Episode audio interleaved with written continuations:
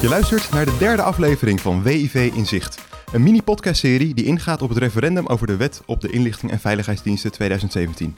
De WIV, soms ook wel de sleepwet genoemd. Op 21 maart, tijdens de gemeenteraadsverkiezingen, kun jij je stem uitbrengen. Met de website watdewiv.nl en deze podcast WIV in Zicht helpen we je een keuze te maken. Ben jij voor of tegen de nieuwe WIV? Ik ben Bas Hinteman Ik ben Elke van der Wel. en we zitten samen met Boris Veldhuis van Santen, misschien wel de bekendste internetondernemer van Nederland, een van de founding fathers van de NextWeb Conference en de blog, maar ook lid van de Startup Europe Leaders Club. Welkom Boris. Dankjewel. De huidige wet, de huidige WIV, is behoorlijk oud. Heeft de opkomst van het internet zoals we het nu gebruiken helemaal niet bijgehouden. Denk je dat het kunnen aftappen eigenlijk wel past bij de aard van het internet? Eh, nou, het is wel te verwachten dat het geprobeerd wordt. Maar juist internet is, is gebouwd om niet af te tappen eigenlijk. Hè? Dus het is, het, het, ik, wat mij betreft is het tegen natuurlijk. Maar misschien ben ik iets te veel een, een geek dan om, omdat... eh, ik, ik, ik bekijk het meer technisch dan inhoudelijk, zeg Mhm. maar. Dus, eh, dus het voelt op mij, eh, voor, voor mij voelt het erg onnatuurlijk. Ja. Want het liefste het beschouwen als een vrij netwerk op, waarop alles kan gebeuren, waarop je geen overheidsinvloed wil? Nou, kijk, ik denk overheidsinvloed. Mhm. dat, dan zeg je het precies goed. Hè? Dus, dus overheidsinvloed is helemaal niet slecht. Eh, ik denk dat het een heel democratisch medium is waarvan het fijn is dat iedereen er invloed op heeft.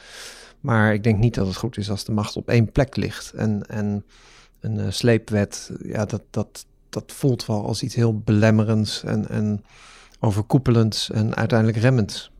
Maar als je, als je kijkt naar het internet, als ik, als ik dan denk naar de geschiedenis van het internet, natuurlijk begonnen als, als, een, als een militair project in Amerika om, eh, om, om, om netwerken eh, op te bouwen. Dat is natuurlijk een perfecte ding om te gaan afluisteren. Niet zozeer bij de Amerikanen zelf, maar als anderen dat zouden doen, is dat zeg maar juist hetgeen waar je wil gaan afluisteren. Dus ergens Ja. is het een soort van, wordt het een beetje filosofisch gezien, maar is het juist de kern dat je het wil afluisteren?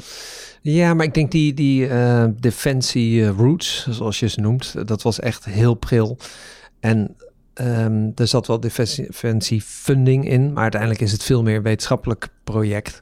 En daarvan kun je weer zeggen, ja, dat, dat, dat is juist weer niet om af te luisteren. Of je zou kunnen zeggen, dat is zo open dat, het, dat je misschien wel mag meeluisteren, maar niet speciaal afluisteren. Eh, ik denk dat privacy, recht op privacy heel heilig is. Hè? En, en dat wat jij en ik zouden willen eh, bespreken, dat, we dat, eh, ja, dat het fijner is als, als we dat voor onszelf kunnen houden. Ehm, ik begrijp ook dat je criminelen of terroristen of, of nou ja, mensen die iets willen doen wat niet mag, dat je die wil stoppen of, of eh, kunnen vangen eventueel. Maar dat moet wel in balans zijn. Hè? Als je op het moment dat je zegt eh, iedereen moet zijn privacy inleveren, omdat er misschien ooit is ergens één iemand er anders misbruik van kan maken, dat is gewoon dat gaat een beetje te ver. En denk je wat dat betreft dat de WIV het gevoel van vrijheid op het internet gaat beïnvloeden? Ja, dat denk ik wel. Ja, ja dat, dat, eh, het ligt aan hoe die geïmplementeerd wordt eh, natuurlijk, maar het, het ziet er nu allemaal vrij strikt en, en veelomvattend uit. En ik vind het heel goed dat we, ehm, ja, dat we daar weerstand aan bieden. Het is heel makkelijk om dit soort dingen geïmplementeerd te krijgen. De, eh, politici, vooral als ze het niet begrijpen, denken ze, nou weet je wat, laten we maar veel wetten bedenken om, om het zoveel mogelijk in te kapselen. En, en wat dat betreft is het goed dat mensen zoals wij dan een beetje tegengas geven. Aan, aan, aan- de andere kant zie je natuurlijk dat juist ehm, het internet is, is eh, een beetje de basis van onze economie geworden inmiddels. Ehm, eh, met alle risico's van dien. Ook als het gaat om economische spionage, aanvallen die echt zeg maar het internet en de infrastructuur kunnen ontregelen. Daar wil je tegen wapenen. En dat is ook wat de voorstanders letterlijk zeggen. Ja, daar hebben we dat voor nodig. We moeten die data kunnen analyseren om, om grote aanvallen met, eh, met malware tegen te kunnen gaan. Om bijvoorbeeld economische spionage uit, eh, uit Rusland te kunnen ontdekken. Ehm, Dus daar heb je het juist, juist omdat het internet zo belangrijk is geworden voor ons. Ja. Hoort, begint dat een beetje bij te horen, toch? Dat, dit, dat we dit soort dingen toelaten. Ja, maar nogmaals, het is net zoals met invloed. Hè? Dus eh, dat, dat er middelen zijn om, om eh, boeven te vangen, dat snapt iedereen. Maar het moment, hè, en, en eh, het, het huis, huiszoekingsbevel is daar een goed voorbeeld van. Hè? We weten dat als jij iets verkeerds doet eh, en, en de, de politie heeft een, een, sterk vermoeden dat je echt iets eh, verkeerds doet, dan kun je naar een rechter en die kan eventueel een huiszoekingsbevel. Nou, dat- we begrijpen dat. En we, het is ook goed dat al die eh, drempels er zijn. Maar op het moment dat de politie zou zeggen, ja, om boeven te kunnen vangen, willen we graag van iedereen in Nederland de sleutel. Zodat we op ieder moment in je huis kunnen kijken. En je hoeft niks te vrezen, want als je geen boef bent, dan is er niks aan de hand. Maar toch voelt iedereen dan, ja, maar dat, dat klopt gewoon niet. Dat zou ik echt heel onprettig vinden. Dat ieder moment van de dag, ook als ik s'nachts lig te slapen, opeens zomaar de politie kan binnenkomen zonder dat er een check is. Dat is gewoon onprettig. En dat is met digitaal eigenlijk niet anders. Hè? Dus het feit dat je boeven wil pakken, snapt iedereen. En je wil daar de middelen uh, ja, voor geven. Maar tegelijkertijd weten we dat in een vrije staat... Um, dat die alleen maar kan gedijen als mensen het recht hebben om, om geheimen te bewaren. En dat soms daar misbruik van gemaakt, is het toch waard. Hè? Ja. En, en, en dat is de vergelijking. Je hebt liever honderd schuldigen niet in de cel dan één onschuldige wel in de cel. Nou, dat is hetzelfde met afluisteren in onze geheimen. Je kunt zeggen, chat, uh, hè, iedereen moet alles in kunnen zien, maar dan heb je toch liever dat af en toe er iemand misbruik van maakt. En... Ik vind, ik vind het wel een interessante vergelijking om, om de echte wereld wat dat betreft met de digitale wereld te vergelijken. Maar als je dat doortrekt, dan zie je ook dat we het normaal vinden dat, dat we blijkbaar de hele dag worden getrackt online waar we naar binnen gaan. En we zouden het niet normaal vinden. Dat zie je nu ook, dat er wel weerstand komt. Als we opeens worden gevolgd waar we in, uh, in, een, in een stad uh, lopen en welke winkel we ingaan en waar we ons op welke tijd bevinden. Dat vinden we dan heel vervelend op internet zeggen we eigenlijk... ja, ja, het is wel irritant dat je dan die banners ziet... maar eigenlijk, het boeit ons niet genoeg om echt actie te ondernemen. Nee, maar ik denk dat het... Dat, daar, hier is heel veel verwarring over. Hè? Dus als je zegt, uh, uh, internetbedrijven weten alles wat je doet. Ja, dat valt allemaal wel mee. Hè? Dus ze weten ongeveer welke leeftijd je bent. Ze hebben een schatting van je geografische locatie. En wat doen ze daarmee? reclames net iets beter maken. En dat valt eigenlijk allemaal wel mee. Hè? Dus eh, vroeger, ik weet nog dat ik als kind uh, keek ik televisie. Dat bestaat nu niet meer, geloof ik. maar wij keken dan televisie. En dan erger je altijd rot dat je die reclames door moest. Hè? Die, die, al die niet getargete reclames. En toen fantaseerde ik, ik dacht van ooit worden die reclames natuurlijk precies dat, dat ze jou kennen en dat je alleen maar advertenties ziet. Dat, dat die nuttig je als kind al gewoon? Ja, als kind, daar hadden we het over. Zo van ja, dat slaat in het nergens op, dat moet toch beter kunnen. Hè? En nu begint dat langzaam beter te worden. En, maar er is een soort discussie om privacy. Dat mensen zeggen, ja, dat wil je toch niet? Dat, mensen, ja, dat, dat die bedrijven je alsmaar volgen. Terwijl ik denk, nou, dat is, volgens mij is het behoorlijk in ons voordeel... dat in ieder geval die advertenties beter getarget worden. En dus stel je voor dat ik een nieuwe auto wil kopen... en de dag dat ik die nieuwe auto wil kopen... krijg ik een advertentie waardoor ik die auto goedkoper krijg. Met andere woorden, ik krijg eigenlijk gewoon korting. Dat zou de perfecte reclame zijn. Maar ja, dan moet je wel iets van je, van je, van je, ja, van je privacy, zou je kunnen zeggen, opgeven. Maar uiteindelijk is dat eigenlijk niet privacy. Hè? Dus het, feit dat een bedrijf weet wat mijn leeftijd is en een paar dingetjes van mij weet. Maar ook welke site je Daar maak ik me nog niet zo zorgen over. Wat zeg je? Ook bijvoorbeeld welke site je bezoekt. Facebook is vrij goed in, in trekken welke site je wanneer je aanklikt. Ja, ja, dus kijk, het interessante daar is dat die bedrijven, dat zijn commerciële bedrijven, en het is in hun voordeel om zoveel mogelijk aan je te verdienen. En soms maken ze daar misbruik van. Dan ja, maken ze net iets te veel gebruik van hun uh, mogelijkheden. Maar dat meestal backfired ook. Hè? Dus op het moment dat wij als consument daar echt achter komen dat er serieus misbruik is gemaakt, dan backfired dat. Dan is er altijd iemand die aan de bel trekt. Het kan even duren, maar dan dat herstelt zich dan wel weer. En die bedrijven weten dat over het algemeen ook wel. Dus dat is een soort zelfreinigend principe, zou je kunnen zeggen. Uh, Google heeft daar een goed voorbeeld van. Hè? Dus die hadden, dit is al heel lang geleden trouwens, maar toen was Yahoo nog wat groter en, en een, wel een concurrent. En toen op een gegeven moment ging Google down. We kunnen ons niet meer voorstellen dat dat gebeurde, maar ooit gebeurde dat. Waren ze twee dagen down. En uh, binnen een minuut zag je gewoon dat hun hele marktaandeel verschoven was naar Yahoo. En zij gebruiken dat eigenlijk als een soort voorbeeld. Dat ze zeggen, ja, als wij onze klanten maar goed genoeg verneuken, dan vinden ze een concurrent en dan zijn ze allemaal weg. Hè? Er is niet die, uh, die, die loyaliteit. Hè? Als, als mensen zeggen, ja, bedrijven weten alles van je op internet, dat valt dus wel mee. Hè? Zij weten niet wat ik s'avonds in mijn slaapkamer doe. En jullie gelukkig ook niet. En, en hè, wat, wat ik misschien heb gedaan wat niet legaal was in mijn leven. Weet je niemand weet dat. dat de, de, belangrijke dingen worden nog niet getracked. En dat ik uh, wel eens uh, eten heb gekocht voor huisdieren. Ja, waarschijnlijk staat dat wel ergens in een database dat, er, dat ik in die groep behoor. Maar dat vind ik nog wel te overzien.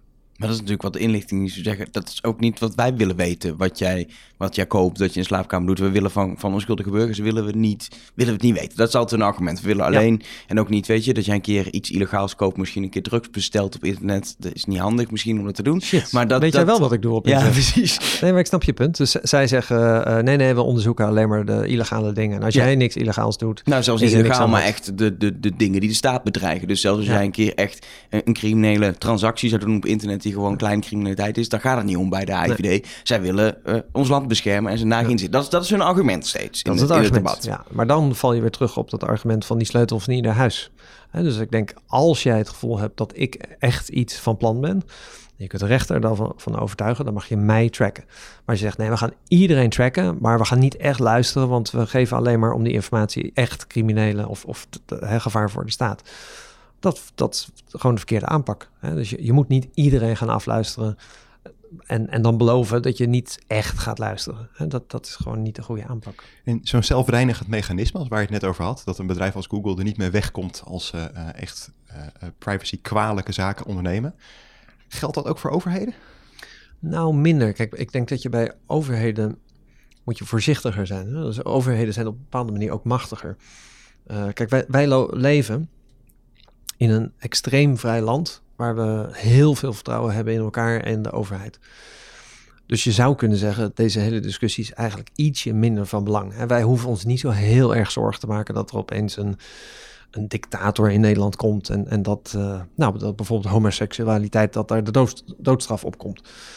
Maar goed, dat wil niet zeggen dat we niet toch dezelfde ehm, bescherming willen. Wij willen alsnog wel de bescherming om een seksuele voorkeur te hebben en dat met niemand te delen. Niet omdat we bang zijn dat ooit de doodstraf opkomt, maar gewoon omdat het prettig is om dat voor jezelf te kunnen houden. En omdat je graag wil dat in de hele wereld eigenlijk iedereen dat kan, ook in een land waar wel een dictator is en waar, misschien wel de hè, nou ja, straffen staan op, op dat soort dingen. Dus het is, het is ergens ook heel, ehm, ja, hoe zeg je dat, uh, um, verwend om te zeggen, privacy is voor mij niet zo belangrijk. Dat is net zoiets als zeggen, voedsel is voor mij niet zo belangrijk, want ik heb er genoeg van.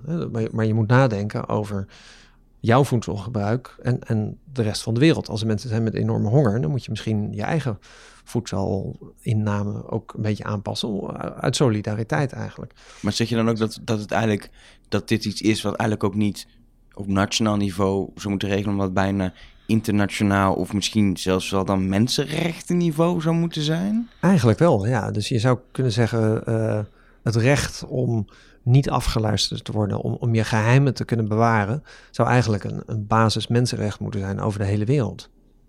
En daarmee dus ook over het hele internet. Ja, en wat dat betreft is dat, hè, dat, dat het internet eigenlijk door niemand echt uh, uh, geregeld wordt, hè, behalve door een aantal groepen, mm-hmm. onafhankelijke internationale groepen. Dat is eigenlijk heel goed, hè, dat, dat er niet één regering dat kan bepalen. En het is heel gek dat Nederland dan die cookiewet, cookiewet is daar zo'n voorbeeld van dat Nederland eigenlijk als een soort het braafste jongetje van de klas de meest strenge implementatie kiest, waarvan je denkt van ja, moet je voorstellen dat een land in Afrika opeens een regel zou bedenken waar wij ons aan zouden moeten houden. Dan zou ik ook denken, hè, wat, een land? Ja, hallo, daar ga ik toch niet rekening mee houden hier in Nederland. Ook al heb ik een internationale website. En dat is wel wat we doen. En daarmee sluiten we ons eigenlijk uit ja, ten opzichte van de rest van de wereld. En Europa doet dat ook weer. Hè? Dus in Europa heb je ook de cookiewet. Het is gewoon zonde. Het, is gewoon niet, het, het zou fijn zijn als de World Wide Web echt worldwide blijft. Mm-hmm. En niet af, losse, afhankelijke uh, netwerken worden met allemaal hun eigen regels. En als we het dan hebben over het zijn van het braafste jongetje van de klas. In, in landen als, uh, als het Verenigd Koninkrijk zijn dit soort sleepbevoegdheden uh, al langer geregeld en al langer gebruikelijk. Is het daarmee eigenlijk onvermijdelijk dat Nederland op een gegeven moment ook mee gaat doen? Nee, zeker niet onvermijdelijk. Nee. Um, wat dat betreft is het dan eigenlijk weer goed dat er aparte netwerken zijn, want wij kunnen ook gewoon open zijn. Er zijn bepaalde rechten opgenomen in Nederland, uh, ja, die andere landen weer niet hebben, waar wij in voorlopen. Dus uh, ik, ik zou veel liever zien dat Nederland een voorbeeldfunctie is. Hè? Dat wij zeggen, wij gaan internet uh, reguleren. Wat betekent zo min mogelijk? Uh, op een manier wat een voorbeeld zou moeten zijn voor de rest van de wereld. Het zou mooi zijn als wij een inspiratie zou zijn voor andere landen. Dat hè, andere landen zouden zeggen, wauw, oké, dat is echt open internet. Zo gaan wij het ook doen. En heb je het idee dat, dat, ehm, dat Nederland daar op die manier mee bezig is met de overheid? Ik heb het idee dat zij er eigenlijk helemaal niet zo, zo'n weet je, alsof het geen issue is in, in Nederland om daar zo diepgaand over na te denken over internet. Want we hebben natuurlijk wel netneutraliteit als een van de eerste gehad, maar dat was een soort, voor mij meer, voor mij meer een uitzondering dat het een soort, oh, oh, oh, oh, we zijn er opeens ook mee bezig. Het, In Den Haag heb ik nog niet het idee dat daar de mensen zitten die, die heel erg soort hard voor de internet hebben. Nou, er zitten echt wel slimme mensen in Den Haag en, en veel voorvechters en, en uh, um, ja, die netneutraliteit, dat is een goed voorbeeld. Dat was echt een trots moment. We kunnen allemaal trots op zijn dat wij gewoon dat als eerste zo, zo goed hebben geïmplementeerd. Um, maar die cookiewet is weer totaal de andere kant van het verhaal. En daar merkte, had ik echt het idee dat het gewoon onbegrip was. Hè? Dat mensen dachten, oh ja, dat is wat we moeten doen.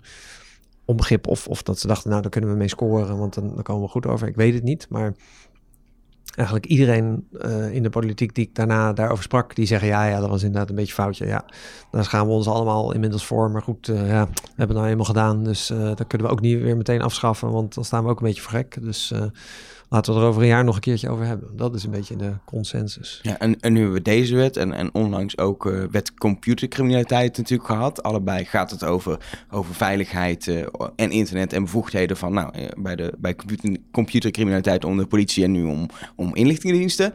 daar zie je dat, dat als je de partij bekijkt, zijn ook allemaal, nou niet allemaal, maar echt het overgrote deel is voor die wetgeving waarin, waarin privacy wordt ingeperkt en er meer mogelijk wordt voor, voor de diensten.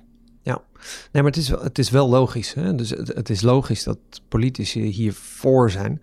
Want als je een, uh, ja, de, de man in de straat, de vrouw in de straat, als je uh, zomaar iemand zegt, is privacy belangrijk? Dan zeggen ze ja, ja, ja. En als je dan zegt, oké, okay, hier heb je een kortingkaart, mag ik al je gegevens? ja, ja, ja, hier heb je al mijn gegevens.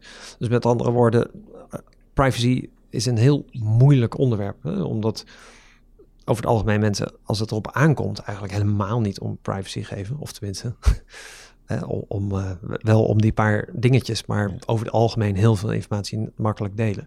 Maar daar ook een soort bang voor zijn en dus zeggen, oh, privacy is heel belangrijk. En tegelijkertijd allemaal bang zijn voor criminaliteit en, en terrorisme.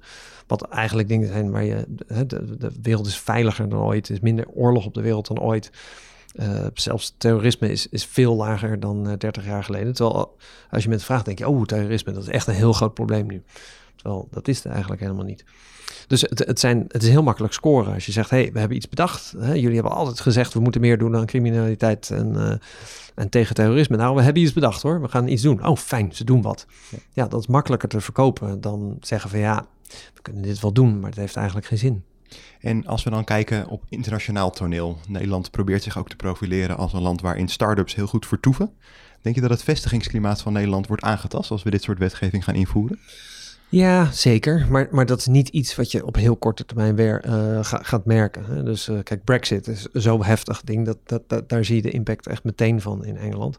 Maar dingen als dit, dat, dat, dat, ja, dat effect zie je pas wat later. Dus ik denk op korte termijn uh, merk je daar niet iets van op, op wat langere termijn wel degelijk. Hè? Dus ik denk ook grotere bedrijven, kleinere bedrijven die naar Nederland gaan, die gaan toch alles overwegen. En als op een gegeven moment merken, ja, maar hé, hey, wacht eens even.